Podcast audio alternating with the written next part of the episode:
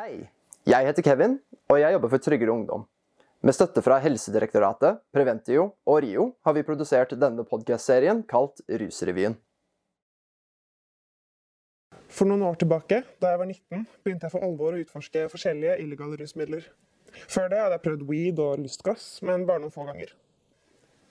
Jeg leste masse om de illegale rusmidlene og ble overrasket over at noe som hadde blitt framstilt som så farlig, ikke var så helseskadelig og risikofylt som jeg hadde blitt fortalt.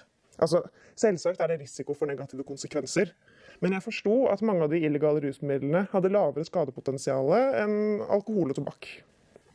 Etter hvert så fikk jeg indirekte erfaring med flere illegale rusmidler gjennom venner. Jeg leste mer, og etter hvert så fikk jeg også personlig erfaring. Spesielt mine erfaringer med psykedelika har vært dypt meningsfulle opplevelser som har gjort meg til en bedre person. Jeg la fort alkoholen på hylla. Jeg så ikke noe poeng i å fortsette å bruke et så risikofylt rusmiddel. Det var et helsevalg som ble lett for meg å ta. Attpåtil fremsto alkohol nå som et ordentlig drittdop. Psykedelika en gang i året eller sjeldnere kunne gi meg selvutvikling. Alkohol ga meg aldri noe mer enn kortvarig eufori og hemningsløshet. Etter hvert begynte jeg å føle på at jeg ville fortelle flere av mine nære om, om opplevelsene jeg hadde hatt. De hadde påvirket livet mitt i en så positiv retning at det føltes som løgn å ikke dele. Både venner og familien min er progressive. Jeg var nervøs, men var ikke i tvil om at de ville forstå når de fikk høre om vitenskapen bak og mine personlige opplevelser. Men det gikk ikke så bra jeg håpet. Jeg har ikke mistet noen venner, men noen ting har endret seg. Så dette er noen av de tingene jeg har erfart. Folk nær meg sier at de er glad for at jeg opplever rusbruket mitt som positivt. Den setningen signaliserer så sinnssykt tydelig at de mener at det reelt sett er negativt. Det kan jo ikke være bra som sådan når det er snakk om de illegale rusmidlene. Men man ville aldri sagt det om noen som drikker sporadisk og i små mengder. At det er bra at du opplever det som positivt. Jeg har noen venner som nå regelmessig spør meg hvordan går det med rusbruket ditt for tiden. Jeg er sikker på at det er ment godt, men det er så ufattelig stigmatiserende. For det første spør de om noe som egentlig er veldig privat. For det andre så oser de av antakelser om at dette når som helst kan gå galt. At de jevnt må spørre, fordi når som helst kommer de til å få rett. Når som helst vil rusbruket skli ned i virkelighetsflukt eller døyving av vonde opplevelser. Men det kunne ikke vært lenger fra min virkelighet. Tenk så merkelig om man hadde stilt dette spørsmålet til noen med et standard norsk alkoholforbruk. Jeg har altså ikke mistet venner eller familie. Jeg har ikke blitt møtt med kontrollapparatet. Jeg har det veldig fint i livet. Mange har tristere historier enn meg, selv når de har et ansvarlig forhold til rus, og ikke rusen i seg selv har vært et problem. Likevel, denne hyppige stigmatiseringen fra nære, denne tanken om at jeg plutselig er en annen, at det må jo være noe som er galt når jeg har valgt illegale rusmidler i stedet for de legale.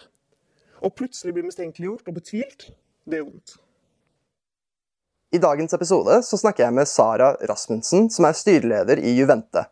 For de av dere som ikke har hørt om Juvente før, så kan du tenke på de som trygger ungdoms politiske meningsmotstandere når det kommer til ruspolitikk. Men til tross for våre uenigheter så føler jeg at i løpet av denne episoden så fant vi ut at kanskje vi ikke hadde så mange forskjeller som jeg trodde på forhånd. Kult at du kunne komme. Jo, takk for invitasjonen.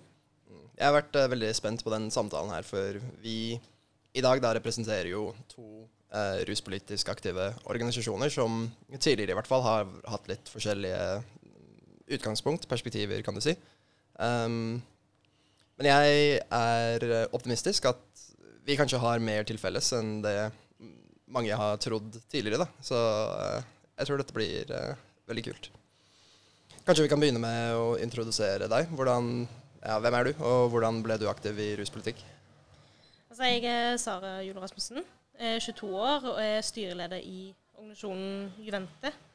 Um, det er egentlig veldig tilfeldig hvordan jeg ble med i Juvente uh, og ble aktiv. Uh, det startet med et prosjekt som het Fristil, som søsteren min var med på. Um, og jeg fant ut at det var veldig kult. Jeg hadde lyst til å være med på det. Og så tenkte jeg jeg kunne bli med i Juvente for det. Eh, og så ble jeg aldri med i det prosjektet, eh, for det ble lagt ned før jeg fikk være med. Men så, så ble jeg med på så mye annet kult eh, innenfor ruspolitikken at jeg ble litt fenger i hvor interessant ruspolitikk og rusforebygging er. At jeg bare fortsatte. mm. Ja, jeg skjønner. Mm, så for å sette litt ikke, rammer for samtalen, så tenker jeg at det kunne begynt å være interessant å dele hva vi tror eh, den andre jobber for. Da. Um, og så kan vi kanskje ha en samtale, så kan vi avslutningsvis se om vi har det samme perspektivet, om det er noen ting vi har endra på. Uh, sånne type ting. da. Så du kan gjerne begynne, hvis du vil. Hva er det du tror at uh, Trygger Ungdom jobber mot? Altså Det som jeg har uh, hatt som oppfatning, det er at Trygge Ungdom er en ungdomsorganisasjon som jobber eh, skadeforebyggende. Eh, som da eh, har som målgruppe de ungdommene som allerede eksperimenterer med rus, eh, og gjør det tryggere for de. Det er liksom det perspektivet jeg har. Ja. Um, på Givente, så Vi hadde jo et møte i forkant av uh, denne samtalen. Og det perspektivet jeg satt igjen med da, er at jeg har en følelse av at det er mange i Juvente som kanskje er pårørende til mennesker som har hatt problemer med rus. da. Og at det er ting som kanskje har gått utover dere, eller noen av dere i hvert fall, veldig personlig. Og at det har gitt dere et perspektiv på at at bruk i seg selv er årsaken til veldig mange av samfunnsproblemene. Og at, dere, at det er kanskje er motivasjonen til hvorfor dere ønsker å skape rusfrie plasser, uh, hvor mennesker kan komme sammen og ikke være eksponert for sånne type problemer. Da. Så det er det inntrykket jeg tenker. Um, og så tror jeg det kan være interessant å begynne med én ting som jeg tror er litt nytt hos dere, som jeg tenker at mange av seerne kanskje ikke er klar over. Og det er at det virker som at dere har gått vekk fra et ønske om å kunne bruke straff som en eh, konsekvens på rusbruk. Da. Det var noe, blant annet noe vi snakket om, og noe dere har skrevet i det nyeste politiske programmet. Eh, kan du snakke litt om det? Ja, altså vi har egentlig aldri vært for straff. Eh, det har bare vært veldig utydelig. Vi har ikke vært veldig tydelige på um, hvor vi står. Uh, vi har alltid visst at hjelp er den beste løsningen, uh, men skjønner jo at det ikke har vært veldig tydelig. Um, og det er det som vi da uh, valgte å gjøre med det nye politiske programmet, at det skal komme veldig tydelig frem hva vi mener om at straff ikke hjelper. At det er hjelp og omsorg som er beste løsningen for de som trenger det mest. Hva med de som ikke føler at de trenger hjelp, såkalte rekreasjonelle brukere? Tenker dere at straff har en plass i møte med sånne mennesker? Altså, vi tenker at straff har en form for eh, Det har jo litt en reaksjon for noen folk. Eh, avskrekkende effekt. Um, men vi tenker ikke nødvendigvis at straff skal være um, fremgangsmåten. Uh, vi tenker en, kanskje en reaksjon uh, i form av dialog, uh, men ikke at man skal straffes for at man prøver én gang.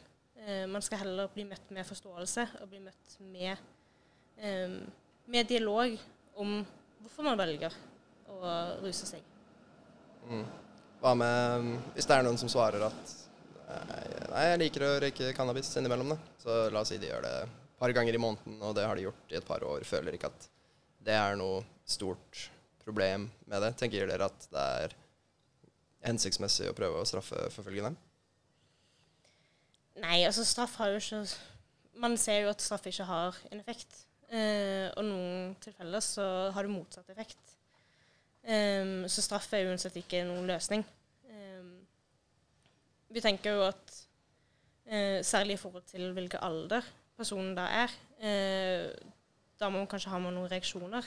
Hvis personen er ganske ung, eh, så har jo eh, cannabis en risiko for å, eh, å permanent endre hjernen. Og da ønsker vi ikke at ungdom skal angre på det valget. Eh, at ungdom skal ha den kunnskapen de trenger til å vite hva valg de har. at det er virkelig ens eget valg, eh, men at man òg vet konsekvensene, både de positive og de negative. Ja, og der er vi jo helt enige. Det er jo eh, vi begge er for at det skal være aldersgrenser på ethvert rusmiddel, egentlig. Eh, både lovlig og ulovlig. Vi vil ikke at barn skal holde på med det her. Um, men OK, det er sikkert interessant for mange å høre det du har uh, sagt nå. Så jeg tenker at vi kan prøve oss på noen litt filosofiske spørsmål, kanskje. Mm, så hva tenker du uh, når du hører ordet rusmiddel? Hva tenker du det omfatter? Altså det jeg tenker på med rusmiddel, det er at det er uh, et middel som endrer atferd, og som endrer sansene, som påvirker det. Um, og den måten som vi i definerer rusmiddel på, uh, det er jo nettopp det med atferd, at det påvirker andre. Uh, at det ikke kun påvirker deg selv, men ved at det endrer din atferd, så påvirker det òg andre rundt deg. Um, så vi har jo et avholdsløfte som sier at våre medlemmer, så lenge de er medlem, velger ikke å drikke alkohol eller bruke andre rusmidler. Uh, og da definerer vi jo ikke snus eller røyk, fordi røyken kan du ta et annet sted uten at det nødvendigvis påvirker andre. Det endrer ikke hvordan du er rundt andre. Eh, akkurat som snusen. Betyr det at La oss si du er hjemme alene i 24 timer, og du skal ikke møte noen andre. På starten av den dagen så drikker du en tre-fire pils. da. Eh, og så møter du ingen andre den dagen, og så legger du deg, og så står du opp edru. Er bruken av alkohol i den konteksten ikke et rusmiddel? Det vil fortsatt være et rusmiddel. Um, det vil jo indirekte påvirke de rundt deg, selv om du kanskje ikke er med de der. Uh, det er jo noen risikoer i forhold til um, videre bruk. Om det bruket kan gå i ubalanse. Og selv om du kanskje gjør det hjemme, hvor det er ingen andre rundt deg i 24 timer, så vil jo folk merke det. Og jeg syns kanskje det er litt trist om man skal være hjemme eh, i 24 timer og trenge alkohol til det.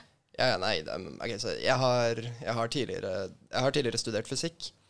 Og fysikk er egentlig ganske enkelt. Det virker litt vanskelig fordi vi kan så mye om det. Men en fremgangsmåte man har for å løse fysiske problemer, er at du har problemstillingen som du ønsker å løse, og så isolerer du de tingene som har det er veldig mange faktorer som kan påvirke systemet. da. Men veldig mange av de kan du se bort ifra, fordi påvirkningen er såpass liten, eller det er en eller annen størrelse som blir bevart, at du, du reduserer eh, problemets kompleksitet, på en måte, omfang, så, og så får du likevel et brukbart svar. Så når jeg stiller det spørsmålet i denne konteksten, så er mitt forsøk på å gjøre problemstillingen enkel, sånn at jeg kan spisse meg inn på veldig konkrete eh, temaer, da. Så når jeg stilte det spørsmålet, så mener jeg ikke at liksom Å nei, du føler at du må låse deg inn i et rom og alt det der. Jeg, ba, jeg reagerte bare på at du definerte det som en konsekvens Et rusmiddel ble definert som at det endret atferden din sånn at det begynte å påvirke andre. Og jeg vil jo si at sigaretter, f.eks. Andre kan jo veldig lett merke om mm. man har røyka eller ikke. Så om man kan gå inn og gjøre det på en plass, så blir det litt uh, Jeg føler at det blir et litt kunstig skille da, å si at ja, men du kan røyke på egen hånd, fordi du kan jo drikke på egen hånd også. Og, og hvis du er da edru når du møter folk igjen, så, uh, så tror jeg det kan jeg tror, det ville, jeg tror det ville vært lettere å oppdage at noen har røyka en sigarett, da, enn at de hadde drukket litt på egen hånd. Um, men er, ikke, det er derfor du ikke tenker, vil jeg tro, da, kanskje på kaffe som et uh, rusmiddel? Nei, altså det Det er jo sånn sett et rusmiddel, men det påvirker ikke det atferden på samme måten. Uh, det er jo sentralstimuli, så det påvirker hjernen, men kan, altså man kan jo bli avhengig av det òg. Uh, men det kan jo være så mye annet at vi definerer ikke det som et, som et rusmiddel. Nei, ok. Er, vi tenker absolutt på det som et rusmiddel, for mm, sånne type ting er, eller akkurat hva et rusmiddel er, er litt vanskelig å definere spesifikt, fordi noen kan jo definere det som noe som påvirker hjernen.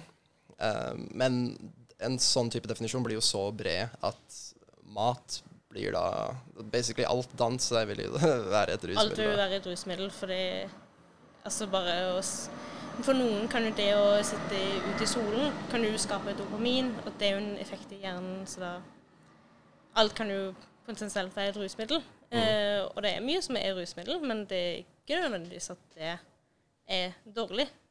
Nei, nei, jeg er eh, enig i deg. Men med kaffe, da. Du merker kanskje ikke så mye av atferden til noen mens de drikker kaffen, men hvis det er noen som er kaffeavhengig, da, og de går en dag eller to hvor de ikke får den koppen med kaffe, da tror jeg du vil merke en ganske Det, det gjør man. ja. Så innunder den definisjonen du kom med tidligere, så føler jeg at det ville falt inn, da. Mm. Det, det er jo vanskelig å definere hva et rusmiddel er, eh, og hvor skal grensen gå eh, i forhold til eh, Særlig vi som har et medlemsløfte, eh, som definerer du ikke skal bruke rusmidler så lenge du er medlem. Ja. Eh, så er det litt vanskelig å si til folk sånn, du får ikke lov til å drikke raffe, du har ikke lov til å spise sukker, du har ikke lov til å gjøre noe som helst fordi det skaper rus. Ja, jeg tenker det kunne vært kanskje litt vanskelig å få inn nye medlemmer hvis det skulle vært ja. så omfattende. Hvordan tenker du på begrepet narkotika, da? Altså Narkotika, da tenker jeg det er eh, et illegalt rusmiddel som per Legemiddelverket eh, er satt til ulovlig. Eh, eller hvis det ikke er blitt registrert ennå, f.eks. nye eh, Det kommer jo helt til nye syntetiske rusmidler på markedet som ikke er registrert. Men med en gang det blir registrert, så er det veldig tydelig at Legemiddelverket vil definere det som ulovlig. Ja, det, så det er egentlig bare Du tenker ikke at det er noe mer substantiv forskjell på narkotika og lovlige eh, rusmidler enn at de er ulovlige? Det er liksom den definisjonen vi pleier å gå til for å gjøre det enklest mulig. Eh, men det er jo selvfølgelig Alle rusmidler er forskjellige. Alle har forskjellig effekt. Alle har forskjellige risikoer og forskjellige konsekvenser, både positive og negative. Så det er jo Det er jo litt vanskelig å sette alle rusmidler under én kam. Hva tenker dere om grunner til hvorfor folk ruser seg? Vi tenker at folk eh, At rus er en form for eh, egenregulering. Eh, at ofte kan man velge rusen til å regulere egne følelser. Eh, eh, og det er ofte det som kanskje kan være grunnen til at man bruker det, eh, siden det kan numme følelser. Um, men så er det òg andre som velger å bruke det for spenningen og prøve nye, nye ting. Det er jo det er jo spennende eh, med noe som ikke er lov. Det vet vi jo godt at det, når foreldrene sier at du får ikke lov til å gjøre det, så har du nesten lyst til å gjøre det bare fordi du ikke får lov. Ja, jeg kan være veldig trass. Litt sånn hvis noen sier at hei, det får du ikke lov til å si, så blir jeg sånn eh, Hvorfor ikke hvem, det? hvem, hvem tror du at du er, liksom? Sånn, Du bestemmer ikke over livet mitt. Nei, nei. Så jeg kjenner meg inn i det. Men også at det er liksom nye ting generelt. Det kan jo være veldig spennende. Mm. Tenker du Er det utelukkende negative grunner til at folk ruser seg? Sånn eh, Kan det være at noen ruser seg selv om de ikke har et turbulent indre liv som de føler at de ikke har kontroll over? Eller tror du at det generelt sett er i en kontekst hvor de prøver å slippe unna noe kjipt?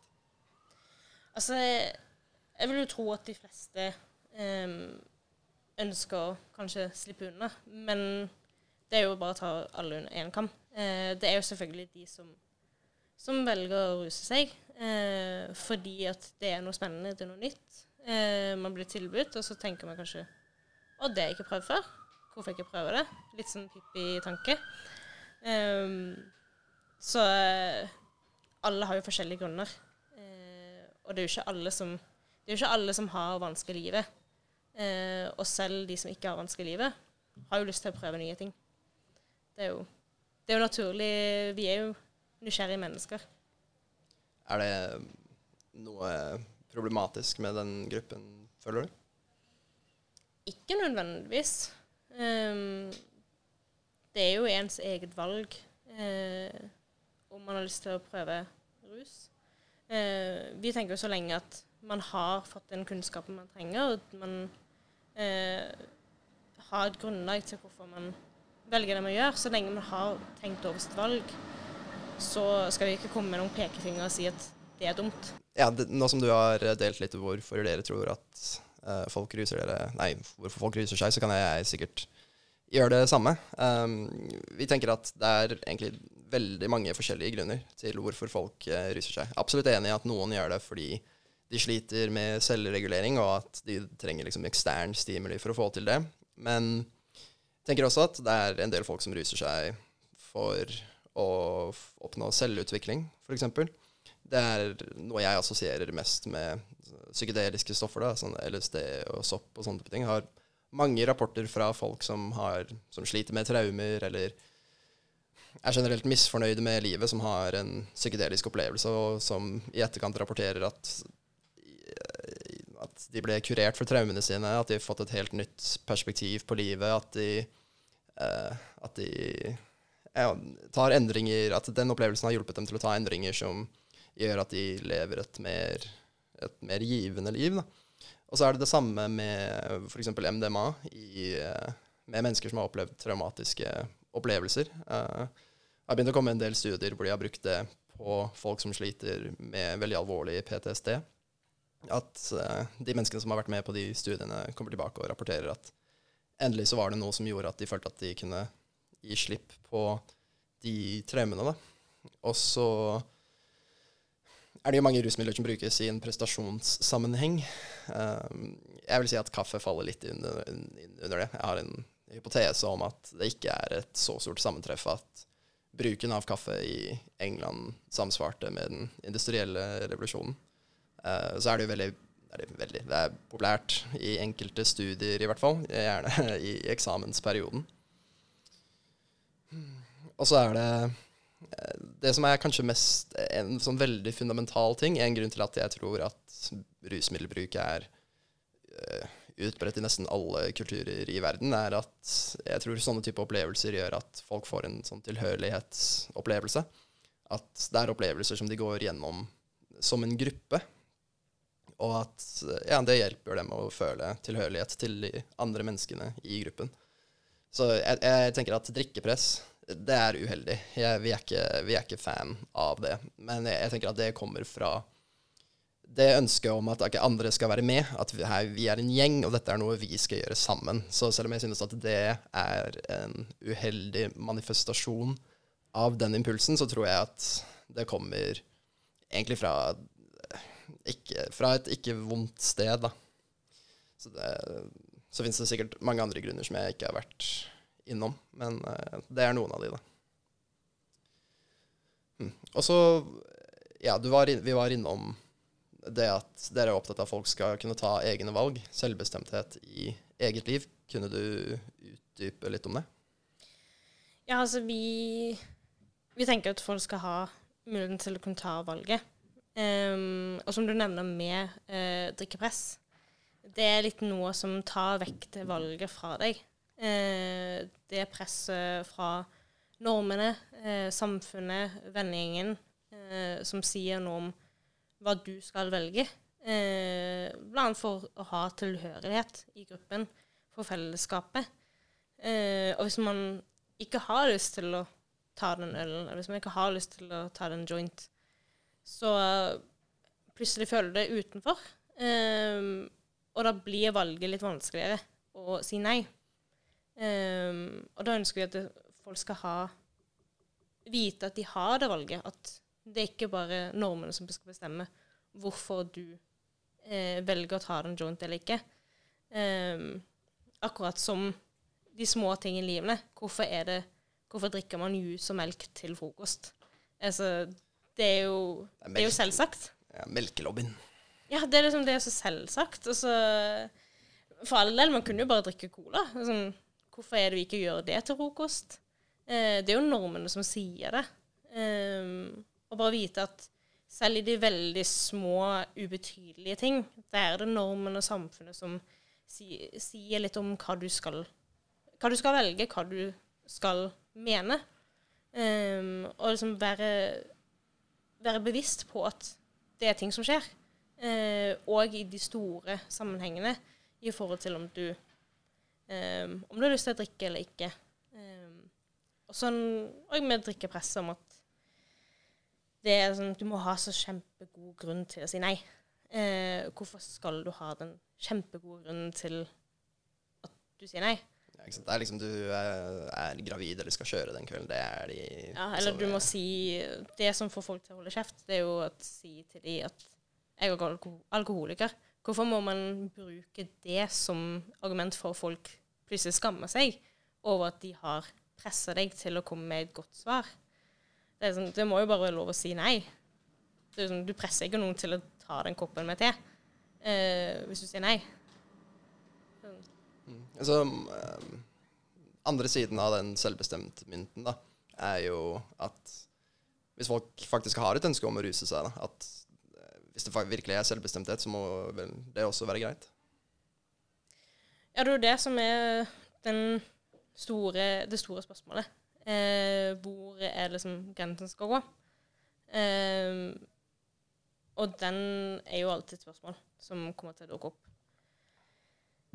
Der Vi tenker jo med rus at det påvirker jo ikke kun deg selv, det vil påvirke jo samfunnet òg. Eh, med alkoholrelaterte skader så ser vi det koster jo den norske staten opp mot 100 milliarder kroner i året eh, på så mange forskjellige faktorer. Eh, at det koster samfunnet veldig mye. Eh, og da er jo spørsmålet skal det virkelig koste så mye for at individet skal få lov til å bestemme selv. Eh, så det er veldig en balanse mellom at du skal ha selvbestemmelse, men det skal heller ikke gå på kostning av andre. Nei, jeg, jeg tror jeg kan si at vi tenker at hvor den grensen går, er hvis du utarter deg, eller utagerer, eh, i en ruspåvirket tilstand, så skal du holdes ansvarlig for det. Så hvis du blir voldelig etter å ha blitt full, f.eks., det er uakseptabelt. Mens om du har lyst til å drikke eller ikke, at vi, vi føler at ja, det må jo være opp til den enkelte å vurdere, gitt at de er gamle nok til å ta det valget osv. Ja, det er jo litt som man sier med ytringsfriheten. Eh, det er litt samme prinsipp. At din ytringsfrihet stopper der andres begynner. Eh, om at eh, ditt valg skal være ditt inntil du begynner, du begynner å påvirke andre. Eh, hvis du f.eks., som du nevner om at hvis du utagerer, eh, blir voldelig, eller begynner å sjikanere folk på gata, eh, blir trakasserende, da påvirker du andre, og da blir det ubehagelig for andre. Det går jo litt utover de. Det er jo liksom uakseptabelt. Man gjør jo ikke det hvis man, er, eh, hvis man ikke er ruspåvirket, så det er jo fortsatt folk som gjør det. Men de fleste vil ikke gått bort til noen og slått dem ned. Nei, nei, de fleste gjør ikke det. Um, men så, så hvor grensene går, for å klargjøre det litt, da, er der hvor grensene ville gått uavhengig av om rusmiddelet er inne i bildet eller ikke. Um, for ja, Ta kaffe, for eksempel. Da. Eh, Slik jeg har forstått det, eller koffein, da. Slik jeg har forstått hvordan det fungerer, er at eh, når cellene dine forbrenner energi, altså ATP, så danner det seg et restprodukt. Og det restproduktet, det akkumulerer. Og etter at det har nådd en viss konsentrasjon, så får hjernen et signal om at nå er jeg sliten. Og da får du den trøtthetsfølelsen, så går du og legger deg. Mens du sover, så resirkulerer kroppen det avfallsstoffet tilbake til ATP. Sånn at når du står opp dagen etter, så har du energi å bruke fra ja, med en gang du står opp, da. Mens koffein fungerer ved å blokkere opptaket av det uh, avfallsstoffet. Så derved blir det signalet om at du er sliten, aldri sendt ut. Og det resulterer da i at du føler deg mer våken mens du bruker det, men så dagen etter så er du mer sliten fordi du har ikke den energien som du vanligvis ville hatt. Og da kan du enten drikke mer kaffe for å fjerne den trøtthetsfølelsen, og da er du liksom i en, i en endless loop, da, før du går noen dager uten koffeinen. Og hvis man ser på konsekvensene av eh, forstyrret eller for lite søvn, så har det en ganske, ganske drøy påvirkning på samfunnsbasis. da, Og Norge er jo i verdenstoppen av kaffeinntak. Så hvis man skal begynne å definere hvordan ting påvirker andre i så stor grad at selv liksom, sekundære konsekvenser skal tas inn i betraktning, så tror jeg det er et vel så sterkt argument for å gjøre kaffe mindre tilgjengelig. Um, er det der du Eller dere tenker at grensen burde gå?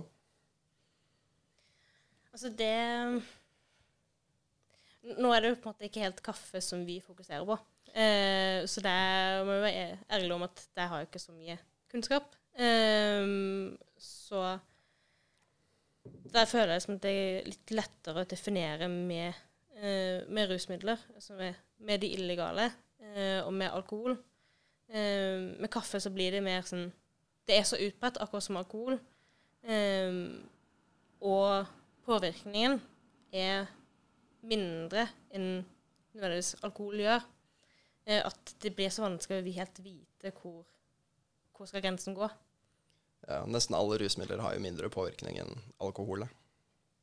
Alle påvirker forskjellig på forskjellige måter. ja, sånn, hvis, vi, hvis, hvis, vi, snakker jeg mener, sånn, skadeomfang, skade for bruker pluss skade på samfunnet, så er det flere studier som peker på alkohol som det netto aller verste rusmiddelet. Og Men jeg, altså, hvor tenker dere Har dere noe fastsatt grense på hvor dere mener at grensen går? Hvordan, man, hvordan skal man ivareta den valgfriheten som dere er opptatt av? Vi tenker jo at den beste måten er å generelt minske eh, rusbruken blant i samfunnet. Eh, at den beste måten å ivareta alle, er at det er minst mulig eh, rus i samfunnet. Um, at man ikke nødvendigvis trenger rusen eh, for å leve, uh, eller for sånn, å ha et fint liv.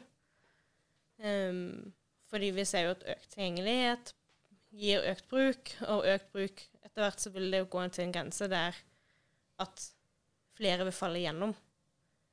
Um, så vi tenker jo at ved at man minsker rusbruken og minsker um, minsker tilgjengeligheten, da uh, vil òg risikoene forsvinne.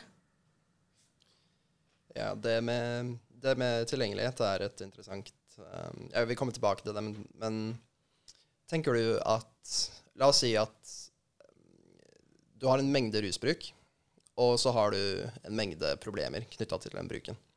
Tror du at det er slik at dersom man dobler bruken, så vil man også doble de tilknyttede problemene? Nei, egentlig ikke. Um, vi er jo veldig, veldig forskjellige. Um, vi alle reagerer forskjellig på rus. Uh, for noen så vil økt bruk være helt OK. For andre så vil risikoen være større. Uh, så vi tenker jo ikke at det nødvendigvis vil fordoble. Fordi det er så forskjellig fra hvert individ hvordan det påvirker. Ja, vi, eh, vi tenker heller ikke at um, Vi tenker ikke at økt bruk eller økt tilgjengelighet nødvendigvis medfører økt problemer. Da. Vi tenker at um, altså, det, hvis vi snakker om alvorlige problemer, da, altså, mer alvorlig enn at du, litt, du er litt bakfull dagen etter, så tror vi at uh, det er ikke alle som er like i faresonen for å utvikle denne avhengigheten. Da. At eh, de menneskene som står i den faresonen, er veldig, veldig ofte mennesker som har vært utsatt for en rekke traumatiske opplevelser i barndommen. Tror jeg er veldig tett knytta til overgrep, f.eks. Og at blant denne gruppen så er rusbruket. Ja, rusbruket medfører egne problemer, men at bruken i seg selv er et symptom på mer underliggende problemer. Um, og så blir det liksom en ondsirkel, at de har disse problemene uh, som de bruker rusmidler for å liksom, slippe unna, og så oppstår det nye problemer som følge av den bruken, som ja, gjør at de havner i en veldig uheldig situasjon. Da. Mens det typiske bildet, det vi tror gjelder egentlig de aller fleste som bruker rusmidler, er at det er eh, at de har et uproblematisk forhold til det. At eh, de bruker det for gøy, da, for mange av de grunnene som jeg nevnte eh, tidligere. Og at, ja, økt, at økt tilgjengelighet ikke nødvendigvis kommer til å medføre økt problemer, i hvert fall. Og så hvis vi går tilbake til det med at økt tilgjengelighet og hvordan det korrelerer med bruk, så har vi sett forskjellige steder. Jeg mener at i Canada f.eks., hvor de nylig har legalisert det, så så de at der var det jo økt tilgjengelighet, men bruk blant den aldersgruppen som jeg tror vi er mest opptatt av, sånn 16 til 18-åringer, tror jeg det var, den gikk faktisk ned i den perioden. Um, og jeg tror ikke Canada er det eneste stedet hvor de har oppdaget det. da. Ja, det er det store spørsmålet. Um, og det, det, er jo litt sånn som for, forskning er. Det tar år før man kan eh, Flere år før man kan eh, si noe spesifikt, fordi Husker jeg riktig, så er det vel tre år det må gå før du kan begynne å forske på effekten, eh, fordi ting tar tid. Eh, så vi følger jo med på, eh, på hva som skjer. Eh, og Canada jo har jo litt likt som Norge. Eh, det er jo litt vanskelig å alltid helt sammenligne land. Eh, men vi følger jo med på hva som skjer der. Men som, som, du sier, at eh, de fleste som kanskje vil ha større risiko, er de som har underliggende, eh, enten i forhold til traumer, men òg eh, noe som ikke blir snakka så mye om. Det er jo folk med utviklingshemning. Eh, de har òg en økt risiko eh, rent genetisk. Eh, F.eks. jeg som har ADHD, har to til tre ganger større risiko for å utvikle skadelig forbruk eh, av rus. Og Derfor er jeg på en måte bevisst på at hvis jeg en dag skulle velge å kanskje begynne å drikke alkohol, da må jeg være veldig bevisst på mitt forhold til rusen. Um, og det syns jeg ikke blir snakka så mye om. Det med at folk med utviklingshemning òg kan eh, bruke rusmidler. De blir ofte glemt i hele den eh, i hele det bildet. Eh, at Man tenker ikke at de, at de trenger ikke vite noe om rus, de vet jo ikke hva det er. Eh, men de, de, er jo de som er kanskje mer sårbare for, eh, for rusbruken. At den ofte plutselig kan komme i ubalanse. Ja, det er interessant at du tar opp. Jeg har en, en ADHD-diagnose, da. Uh, og så har det jo seg slik at det er jo noen Det er jo visse illegale rusmidler som brukes ganske utbredt i samfunnet, hvis man tenker litt over det. Uh, I en ADHD-sammenheng så får jeg jo jeg amfetamin på blå resept fra staten. Mm. Og, og, det er mange ting som jeg føler at jeg ikke hadde klart hvis jeg ikke hadde hatt tilgang på den krykken. da. Så, uh, og det samme gjelder jo at vi bruker jo nå ketamin i behandling til depresjon. Det er snakk om å begynne å bruke medisinsk cannabis um, og heroinassistert uh, behandling for de som er avhengige av det, f.eks. Så det finnes jo allerede kontekster hvor vi ser at bruken av ting som er, som er illegale rusmidler, uh, blir brukt på kanskje gunstige måter i samfunnet, da, utenom liksom det rent rekreasjonelle. Har, har, du noen tanker om det? Da tenker jeg som vi tenker at det er jo der at eh, forskning er veldig bra. At man kan eh, Det som i de fleste sammenhenger ikke er for, er som er for rus, ruseffektens skyld, det i andre sammenhenger eh, kan brukes til medisinske eh, grunner.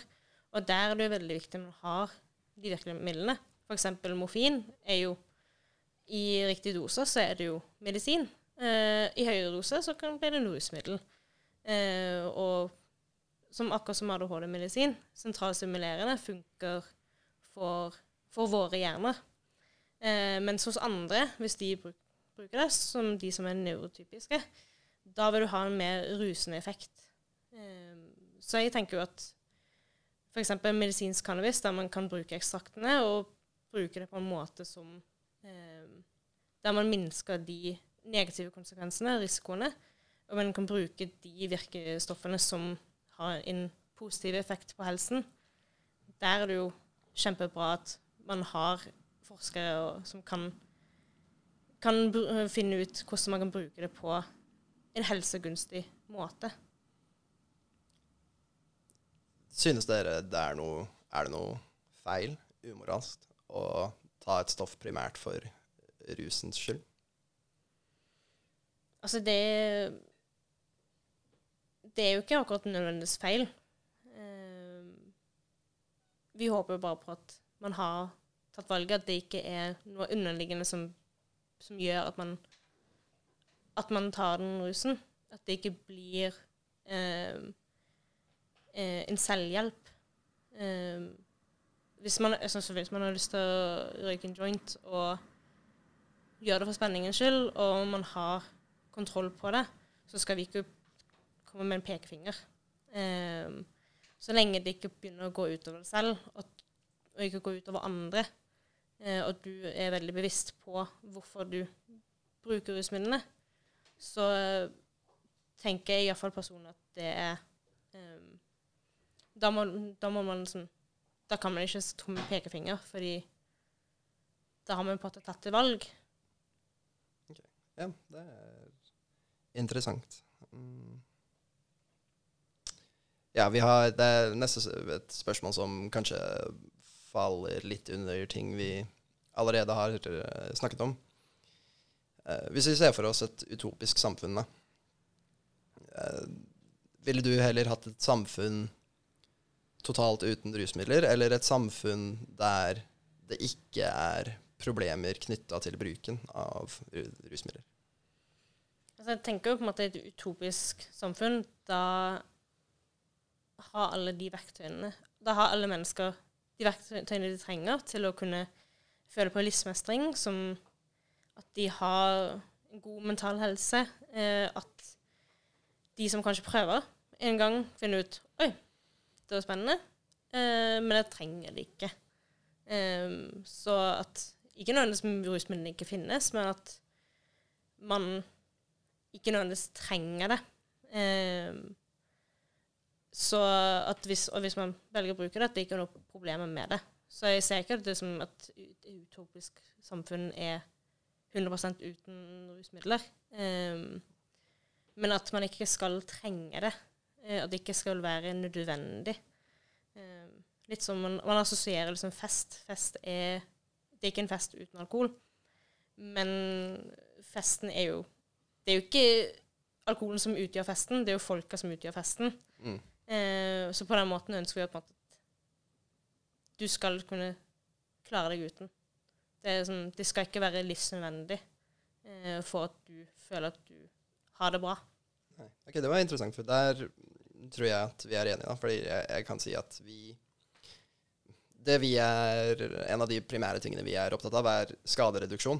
Vi tenker at hvis man får økt bruk i et samfunn, men samtidig færre skader knytta til den bruken, det er noe vi vil anse som positivt. da. At det er liksom de negative konsekvensene knytta til bruken som vi gjerne vil minimere. Så vi, vi, ser ikke på Og jeg er enig i at negative konsekvenser det kan jo være hvis man føler at man er presset til det, eller man er i en livssituasjon hvor man trenger det for å kunne deale med ting.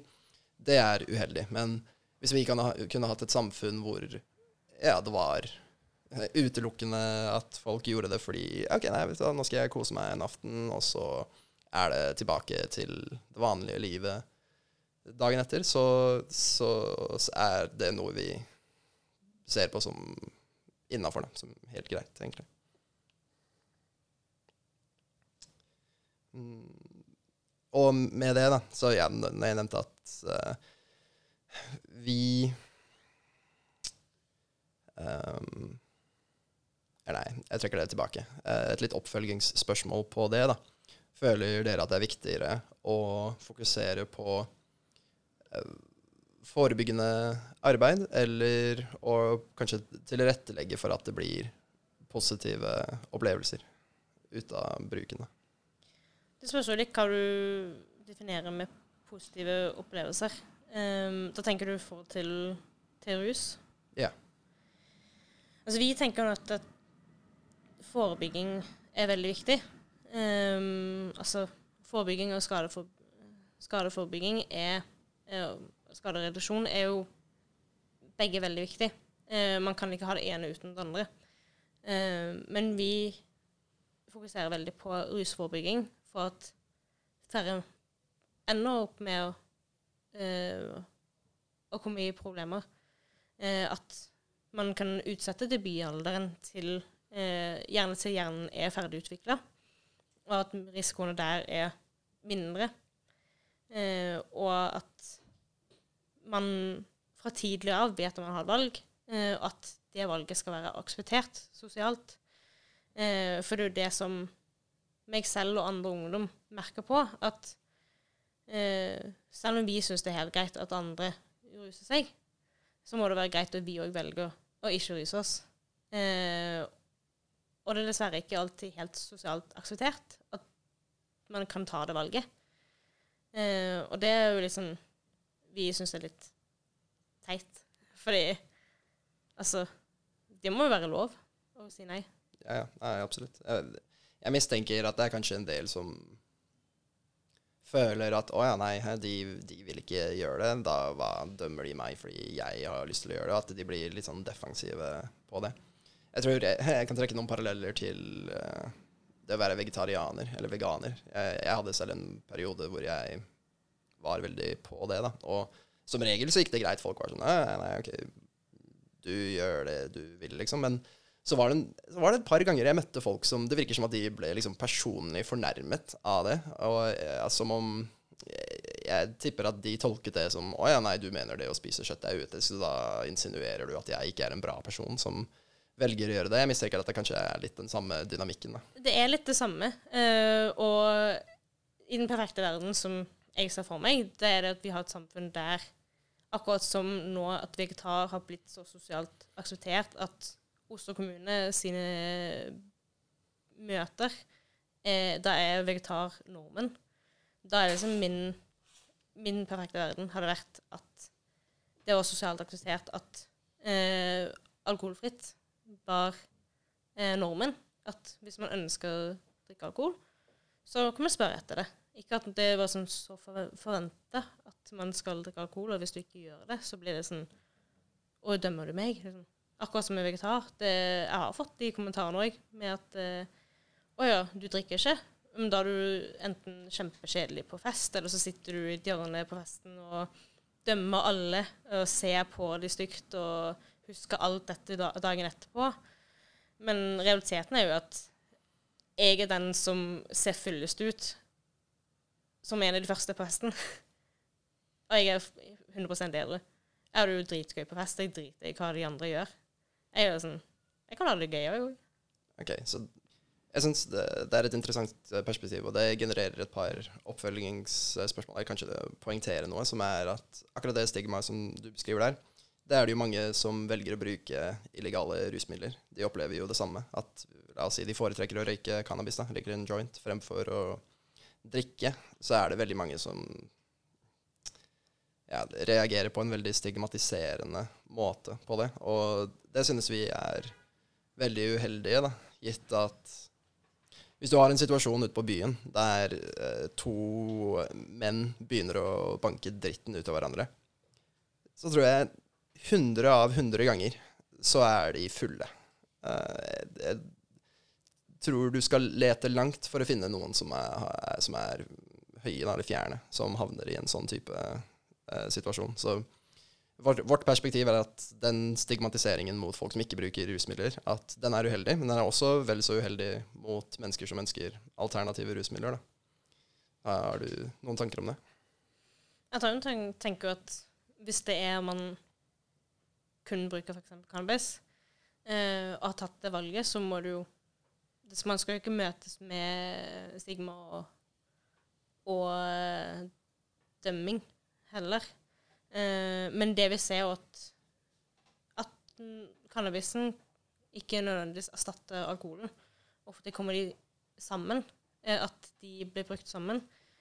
Eh, og der kan vi plutselig få de der litt blandingseffekten fra begge rusmidlene. Eh, at det kanskje blir litt bråk der òg. Um, men jeg skjønner at hvis det er at man føler på det stigma, så er jo ikke det bra heller. Uh, man skal jo møtes med forståelse. Um, akkurat som vi ønsker å bli møtt med forståelse hvorfor vi har valgt det vi velger. Ja, nei, det skal jo være åpen.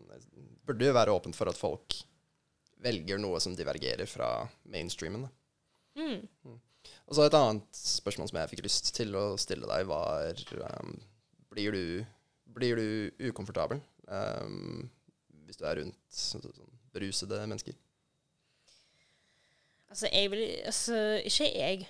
Um, jeg er jo ganske Nå har jeg ikke vært så mye i miljøene der uh, det brukes andre rusmidler enn alkohol.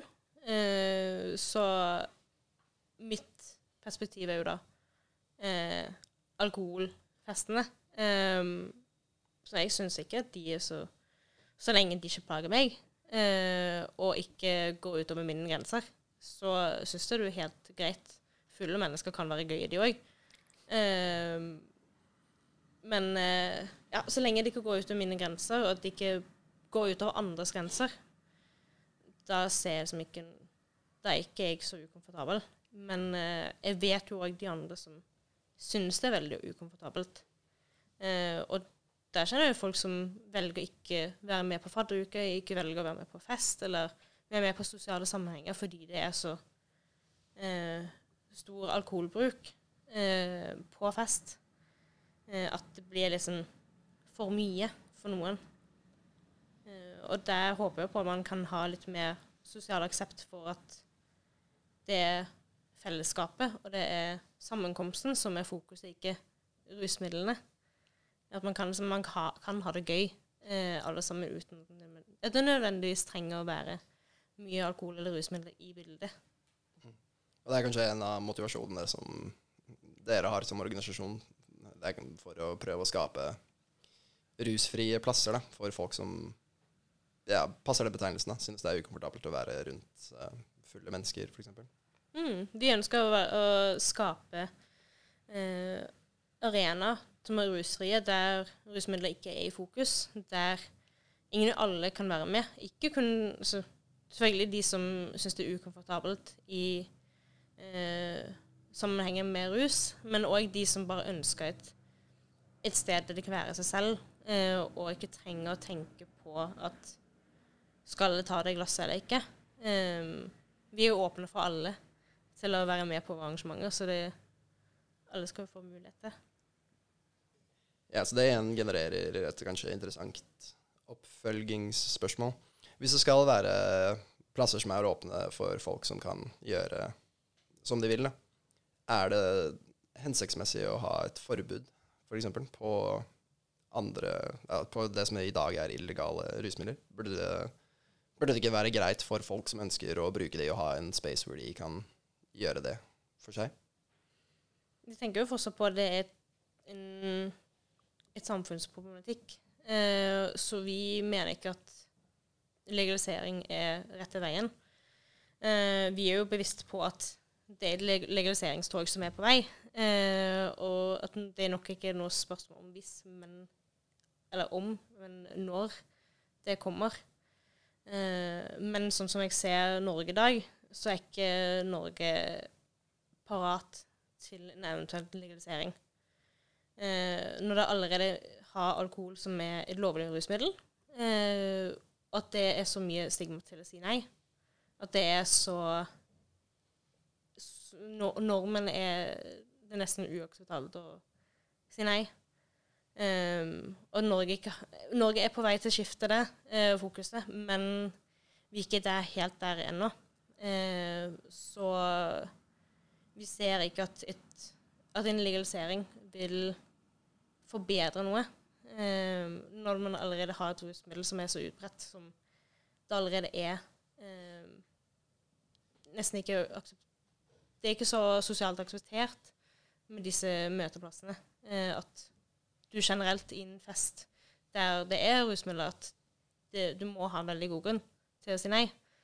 Um, hvis en da skal komme med ruspress i tillegg, uh, da ja, jeg, jeg, er litt sånn kritisk til um, legalisering, uh, i form av at jeg ikke, ser hvordan det skal gå bra uh, i forhold til de som ikke ønsker å ta de rusmidlene. Hva med, hvordan forholder dere dere til avkriminalisering? Vi mener jo avkriminalisering er eh, det første steget å ta eh, for å bedre eh, For å bedre livene til de som trenger hjelp mest. Eh, at de tyngste brukerne får eh, hjelp. Så vi har jo i vårt politiske program at eh, heroinassistert behandling er et bra virkemiddel til å hjelpe de. At de kan få dekke sitt behov gjennom staten for å minske eh, rekrutteringen av unge for å kunne dekke sitt eget rusbehov. Eh, at de tyngste brukerne skal få hjelp til å mestre sin rusbruk. Men at de som er på, en måte, på kanten, som ikke har helt noe skadelig forbruk av um, rusbruk, de skal møtes med dialog. Så vi, vi tenker sånn generelt at avkriminalisering er veien in form, men ikke, ikke full legalisering. Nei, jeg skjønner. Vi er enige om avkriminalisering, i hvert fall. Det er jo interessant. Um, vi Når det gjelder hvordan vi tenker at burde At uh, rusmidler burde legaliseres, så er vi usikre på hva som er liksom, den optimale veien å gå. Foreløpig så ønsker vi at skal At forskjellige reguleringsmodeller skal utredes. For eh, slik som det er i dag, da, så er jo virkeligheten at hvem som helst kan få tilgang på hva som helst, og at det er fryktelig enkelt. Um, jeg husker da jeg studerte for en tid siden, så gikk jeg og to venner uh, oppover uh, Karl Johan. Og, og, jeg og han andre klagde litt over at det kommer alltid folk som skal drive og selge deg noe her, og sånt, og det er litt, det er litt innpåslitende, egentlig. Og så var han tredje sånn Å, det er aldri noen som har prøvd å selge meg rusmidler. Og vi bare Unnskyld meg. OK, gå 20 meter foran oss. Vi følger etter deg så garanterer vi at innen du har nådd enden av denne gata, så er det minst én person som kommer til å prøve å selge deg mye. Eller selge deg noe, da. Så han gikk foran oss, og så etter hvert så var det en litt eh, shady kar som gikk bort til han. De hadde en utveksling, og så gjør han sånn, da. Og så når vi kommer fram, så var han veldig fornøyd. 'Å ja, han prøvde å selge meg noe, det var gøy.' Så, det, så lett er det. Uh, og vi synes det er, det er basically Det er jo frislipp i praksis. Og sånn ønsker ikke vi å ha det. Vi tenker at det skal være eh, mer regulert enn det.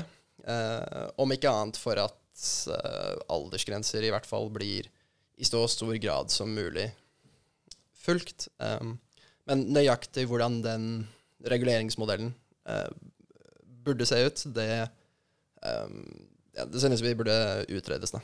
Mm. Hva tenker dere om forhold til hvis man skulle legalisert? Um, hvilken aldersgrense tenker dere vil være best? det er noe som vi som organisasjon ikke har tatt en stilling til, så jeg kan, ikke, jeg kan svare på det personlig. Um, personlig så mener jeg at det burde være 18-årsgrense uh, eh, i eh, de fleste kontekster. Og grunnen til at jeg mener det, er fordi 18 år er jo når du er juridisk voksen. Og jeg personlig er Altså hvis du er voksen, så skal du behandles deretter, mener jeg. Jeg synes det blir litt rart hvis en stor gruppe voksne skal gå til en mindre gruppe voksne og si at nei, fordi vi er flere enn dere, så eh, da får ikke dere lov til å gjøre denne greia. Jeg får litt sånn avsmak for det. Men en potensiell modell som vi har hørt om, er at hvis man hvis, La oss si at det hypotetisk at grensen for bruken av cannabis, cannabis blir 18 år, da. Så syns jeg det kunne vært mindre problematisk å ha det sånn at du kan kjøpe det da, men bruken hvor du, Eller områdene hvor du har lov til å bruke det, er f.eks. på sånne cannabisklubber. da, At du får lov til å kjøpe det der, men du får ikke lov til å ta det med deg hjem eller bruke det utenfor den konteksten før du blir jeg vet ikke, 21 eller noe sånt. Uh, men igjen, da, det blir bare mine personlige meninger. Vi som organisasjon har ikke tatt noe standpunkt til akkurat det ennå. Bortsett fra at vi mener veldig sterkt at, uh, at uh, 18-årsgrensen burde være burde være det burde i hvert fall være der. Vi vil ikke vi, Ingen av oss ønsker at barn og ungdom skal gå rundt og ruse seg. Det ønsker vi å, forhi å forhindre i så stor grad som mulig. Ok, Så vi begynner å, vi begynner å nærme oss slutten på den tiden som vi har igjen. Eh, det er eh, en og annen tråd som jeg tror det kunne vært interessant å utforske litt avslutningsvis. Um, litt om det å ha liksom et ansvar overfor samfunnet, men samtidig at folk skal ha valgfrihet, selvbestemthet. Um, altså I den rusreformen som ble nedstemt, og i den uh, Det som kommer i fremtiden, så er det liksom en snakk om at uh, fokuset uh, på bruk skal ikke bli møtt med liksom, straff, men skal være et helseproblem istedenfor. Og så har du nevnt at allerede nevnt at jeg har gått litt tilbake, eller tatt litt avstand fra bruk om straff, men så har du nevnt at du kanskje føler at de burde møtes med dialog, eller noe sånt. Um, så kan jeg stille kanskje to spørsmål. For det første, trenger alle hjelp? Og så nummer to, eh, er det liksom Kan det ikke tenke seg at det kan være litt stigmatiserende for folk som ønsker å bruke alternative uh, rusmidler, at ja, men vi, vi, må møte dere med et eller annet. Uh, er ikke det liksom implisitt at det er et problem?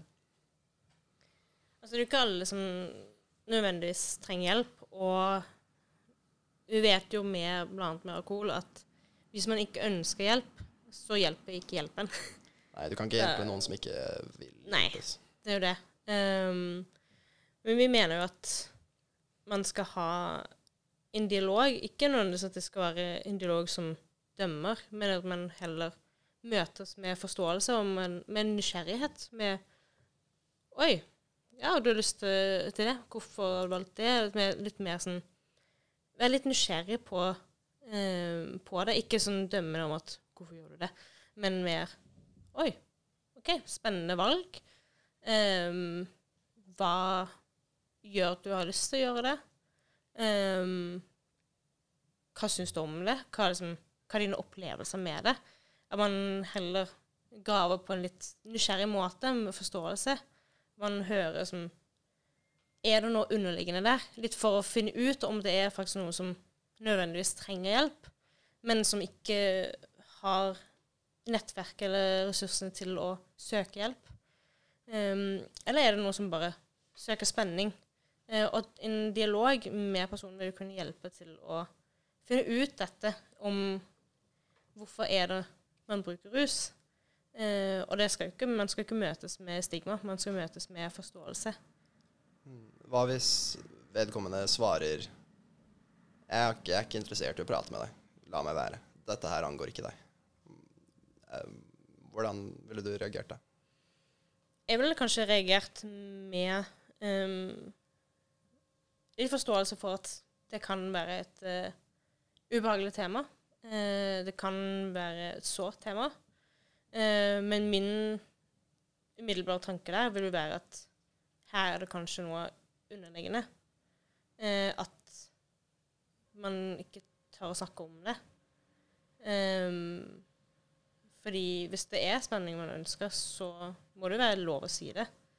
Men hvis man ikke har lyst til å snakke om det, så vil jeg jo være bekymret for at man bare ligger ballen død. Og så er det kanskje personen faktisk har lyst på hjelp, men ikke vet hvordan de skal si fra. Um, kan jo også hende at de bare vil at du skal la dem være i fred. Det, tenker, det, kan være litt det samme som uh, hvis du er på fest og ikke drikker. Da. At noen er sånn Hei, men hvorfor, hvorfor drikker du ikke? Um, og du føler at men hvorfor skal jeg måtte forsvare at jeg ikke drikker? Jeg, jeg ser for meg at det kan være litt det samme med Å ja, hei, du bruker uh, cannabis, f.eks. Hvorfor gjør du det? sånn, hæ, hvorfor, hvorfor, skal jeg måtte forsvare at jeg gjør det? det hvorfor ikke, liksom? Så det er litt sånn jeg tenker på det. Mm, og det, det er alltid vanskelig å vite hva som er den beste løsningen. Hvordan skal man fange opp de som trenger hjelp uten å nødvendigvis eh, gjøre det ubehagelig for de som ikke har noe problem med, med rusbruken. Eh, man må jo på en måte være søkende til å finne ut eh, hvem som faktisk ønsker hjelp. Eh, at de ikke bare blir møtt med eh, Man blir bare møter en vegg, og ikke får sånn At folk ikke fanger opp at du prøver å si fra, men ikke helt vet hvordan. Eh, det er så mange måter man kan prøve å skrike etter hjelp eh, uten det nødvendigvis er ord. Eh, og da er det så viktig at man at man prøver å være nysgjerrig og søke. Um, og det er det samme med, med mental helse. Um, at for en som er deprimert, så er det ikke alltid så lett å bare si 'hei, jeg er deprimert'. Fordi noen ganger så kan du si det, og så tenker folk på 'å ja, du har en dårlig dag'. Men ja. ja hvis, vi, hvis vi bare spisser det inn enda litt mer, kutter litt bort enda flere variabler, La oss ta det for gitt at det, denne personen vi diskuterer nå, er en person som de har ikke de Rusmiddelbruket deres er ikke pga. problemer. Og de bare vil ikke snakke om det, fordi det er sånn Nei, jeg har bare ikke lyst til å snakke om det. Um, skal, det, skal, de bli møtt med noen andre konsekvenser? Burde politiet innblandes i den situasjonen, tenker du? Eller ja, de, de, de, er bare ikke interessert i dialog. Og, de ikke, og bruken deres er ikke symptom på andre underliggende problemer. Hva tenker du burde skje i den spesifikke situasjonen? Altså Personlig så tenker jeg at eh, politiet skal gjerne være den som har dialogen. Eh, fordi vi bør ha et bedre eh, forhold til politiet. Eh, nå har jo politiet gjort en del ting som de ikke skal gjøre. Eh, så for all del så er det kanskje ikke en rusreform vi trenger. For all del kan det være vi faktisk trenger en politireform. Eh, at det er politiet som må vite hva de skal bruke, hvilke verktøy som funker, hvilke verktøy som skal ut av verktøyskassen. Eh, at man heller har en reform der som eh, bestemmer hvilken rolle politiet skal ha. Eh, fordi mitt møte med politi er at de egentlig ønsker å være der for ungdom og være i en åpen dialog. Men det er ikke noe som samfunnet kjenner til. Eh, at de har den delen av At de har, kan ha den rollen. Eh, og kanskje ikke politiet selv helt vet hvordan de skal fylle den rollen. Der divergerer kanskje perspektivene våre litt, fordi vi mener at det er ganske uheldig å innblande politiet i disse sakene. Vi føler at det blir automatisk litt stigmatiserende. da, At hvis du har et uproblematisk forhold til rus, og i en sånn avkriminaliseringskontekst i hvert fall, så føler vi at det fortsatt sender signaler om at nei, ikke det du holder på med. Hvis du blir møtt med politiet, da Politiet de er jo her for å deale med kriminelle. Og vi syns ikke at folk som velger å bruke alternative rusmidler, burde bli møtt på en så mistenkeliggjort måte. da. Skulle gjerne, skulle gjerne liksom snakket i, om dette her i en time til, eh, men det rekker vi dessverre ikke. Så for å ta opp den tråden vi starta innledningsvis, så tenker jeg at vi kan eh, gjenta det igjen. De perspektivene vi har på organisasjonen til hverandre, så kan vi se om vi har, om vi har endret de svarene i det hele tatt. Så har du lyst til å begynne? Ja, tenker du på hva vi Ja, hva vi tror at de andre jobber for det. Mm. Altså, jeg har jo litt samme oppfatning med at jeg jobber mest skadeforebyggende, men uh, jeg ser jo det har Vi er jo enige om ganske mye. og så har vi kanskje litt forskjellige perspektiver. Um, og det er jo veldig spennende og interessant å å se at det er ikke så stor avstand mellom våre organisasjoner som man kanskje tror. Eh, at vi egentlig kan jobbe mer sammen eh, med de ting vi er enige om. Eh, så jeg ser vi har jo litt noen ting vi er uenige om, og det må jo være lov. Eh, men eh, jeg må si mitt, eh, altså mitt inntrykk av dere er mye mer positivt enn det som en nødvendigvis kanskje hadde før. Eh, fordi man ikke snakka sammen. Eh, så jeg syns det er jo kjempespennende å kunne endelig ha en dialog og bli kjent med hverandre. Mm. Ja, jeg synes også det er kjempekult. En sånn ting jeg sørger meg over i samfunnet, er at på mange arenaer så virker det som at det blir vanskeligere og vanskeligere for, for folk å snakke med hverandre hvis de er uenige. Det blir liksom drittslenging og mistenkeliggjøring. og det er ganske synd, da, for hvis vi skal fungere sammen som et samfunn, så er vi jo nødt til å kunne ha potensielt vanskelige diskusjoner med hverandre uten at det blir Uten at det blir liksom mistenkeliggjører hverandre og sånne type ting. Så jeg syns dette har vært en veldig givende samtale. Og jeg opplever ja, deg og dere nå som mindre moralistiske enn det jeg kanskje hadde en mistanke om at dere var tidligere. Og at, um, at ja, de tingene dere jobber for, er bare at jo, okay, vi syns i mange situasjoner i hvert fall så har jeg inntrykk av at dere syns det er greit at folk holder på som de vil, men at det er viktig at man skaper plasser hvor det ikke er et ruspress, da. Og, og det syns jeg jo er helt innafor, selvfølgelig. Uh, så ja, vi kan vel avslutte der. Tusen takk for at du kom. Tusen takk for at du kunne være med.